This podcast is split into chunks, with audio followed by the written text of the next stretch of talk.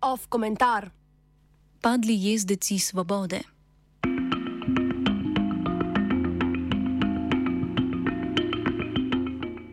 Mineva natančno en mesec od državno-zborskih volitev, na katerih je zmagalo Gibanje Svoboda pod vodstvom Roberta Goloba.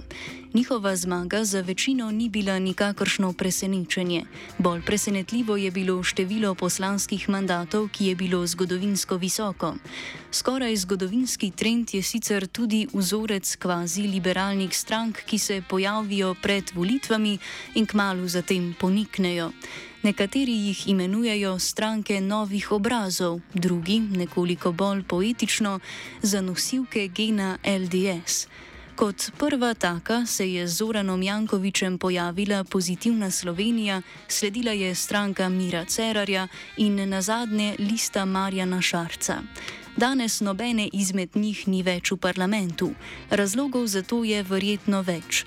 Razočarale so voljivce, niso izpolnile predvolilnih obljub in predvsem se po izgubi politične nedolžnosti niso zdele več tako privlačna politična opcija. Za njih pa ne moremo reči, da so izgubile koncept, saj ga nikoli niso imele.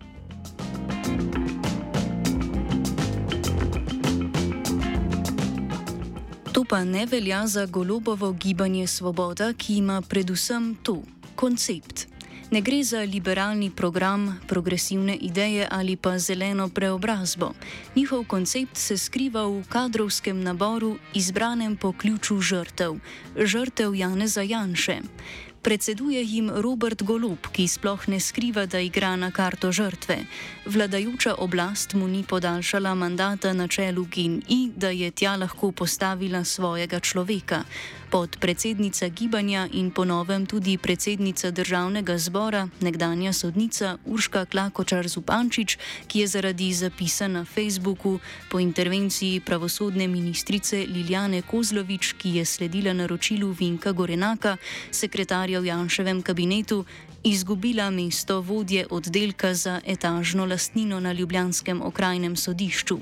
Tudi druga podpredsednica stranke, Marta Kos, je v zadnjem mandatu Janševe vlade odstopila z mesta veleposlanice v Švici, potem ko je bil nad njo izveden inšpekcijski postopek.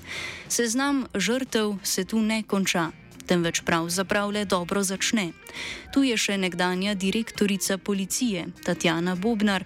Njena razrešitev je bila prvo dejanje Janševe vlade. Novinarka Mojca Šetinc Pašek je Janševa dolgoletna znanka sodišča v še vedno nezaključenem sodnem postopku, potem ko jo je prek standardnih komunikacijskih kanalov označil za odsluženo prostitutko. V stranki je še Janja Sluga, ki so jo po premijejevih navodilih večkrat neuspešno razreševali z mesta vodje poslanske skupine SMC. Njuna zgodba se je končala z njenim prestopom v opozicijo in njegovim retvitom na sveta trola iz kleti, da bi se ji dve ali tri okoli kepe lepo prilegle. Dimitri Zadel, kandidat za poslanca in nesujeni gospodarski minister, je bil primoran z vodstva uprave Luka Koper odstopiti potem, ko je nadzorni svet prevzel Janšev hišni odvetnik Franci Matos.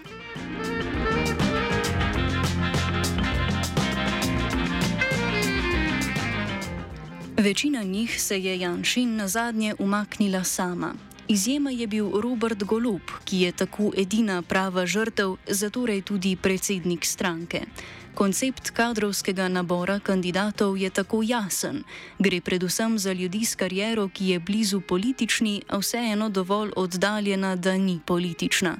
Za ljudi, ki so imeli dovolj vplivne položaje, da so bili pri kariernem oviranju tudi dovolj medijsko izpostavljeni. Na to so lahko le še upali, da se bodo uspeli tudi programsko uskladiti. Politični program kot temelj političnega delovanja neke stranke je tisto, kar člane združuje. Poseblja vrednote in prizadevanje za skupne cilje. Tako bi vsaj moralo biti v neki utopični politični kulturi. Ker pa živimo v realnosti nepopolne demokracije, je politični program nujno zlo. Nekaj, kar pač pritiče stranki, še eno okence, ki čaka na kljukico na tudi listu, preden stranka kandidira na volitvah. skupna usoda članov stranke pa ne zagotavlja skupnih vrednot. Tako je njihov sicer obsežen program le liberalni pamflet, v katerega so se skonvergirali različni politični nazori.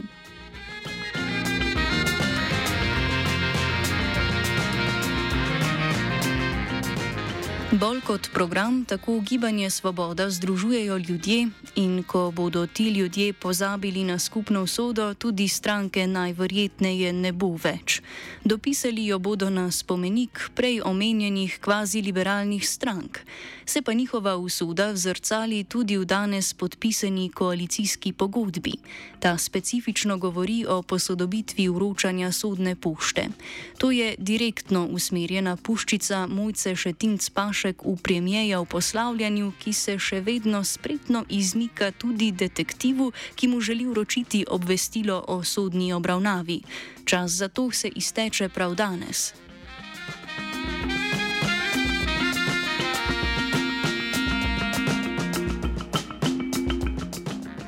Narod ljubi žrtve.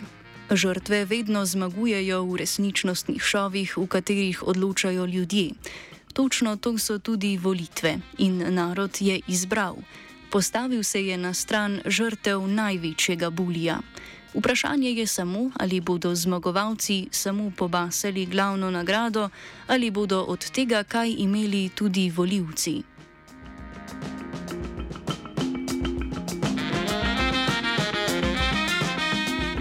Komentiral je Blaž.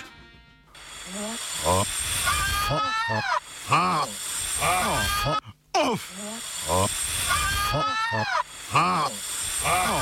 Off komentar.